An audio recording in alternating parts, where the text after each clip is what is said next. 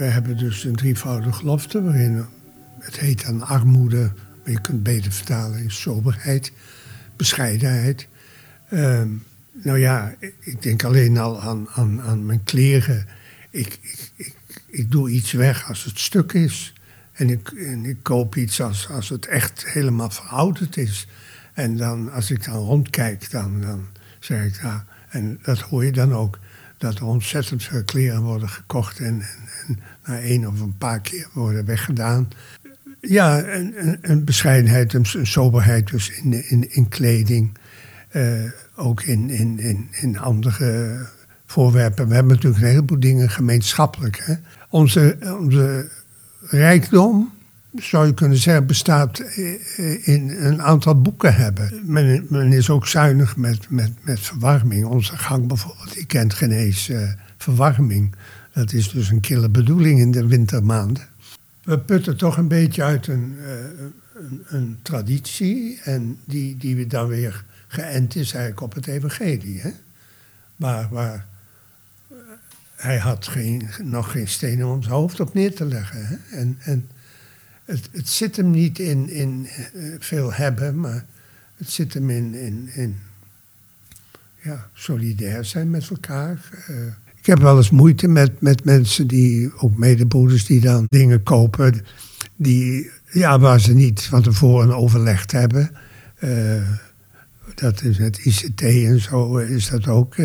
Is wel leuk als je, als je dat eventjes samen overlegt. Hè? Dat, want het is uiteindelijk maar gemeenschapsgeld waar je dus uh, dingen van krijgt. Hè? Ik ben een beetje uh, precies daarin.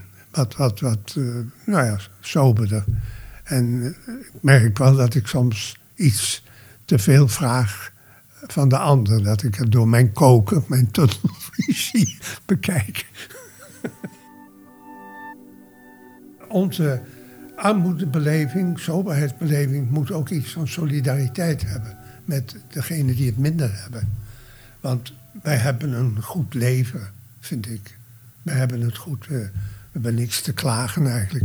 En wat dat betreft uh, kijk ik wel eens met bewondering naar andere vormen van religiositeit of andere religieuze groepen die, uh, nou ja, die, die heel eenvoudig leven en, en ik kan me herinneren dat ik uh, in het noviciaat in Husse, uh, grote tuin, en, en ja, ik, ik vond toch dat we, dat we behoorlijk, uh, behoorlijk warm zaten erin. En, en ik had daar wat moeite mee. Ik, ik, denk, ja, zoals ik ook wel eens denk van, ja, maken wij niet een, een, een hele rijke indruk, niet alleen een oude indruk, wel ook een bejaardenhuis soms genoemd, maar ook een, een, een rijke indruk en dit grote gebouw naar, naar de arbeidershuisjes hier om, omheen.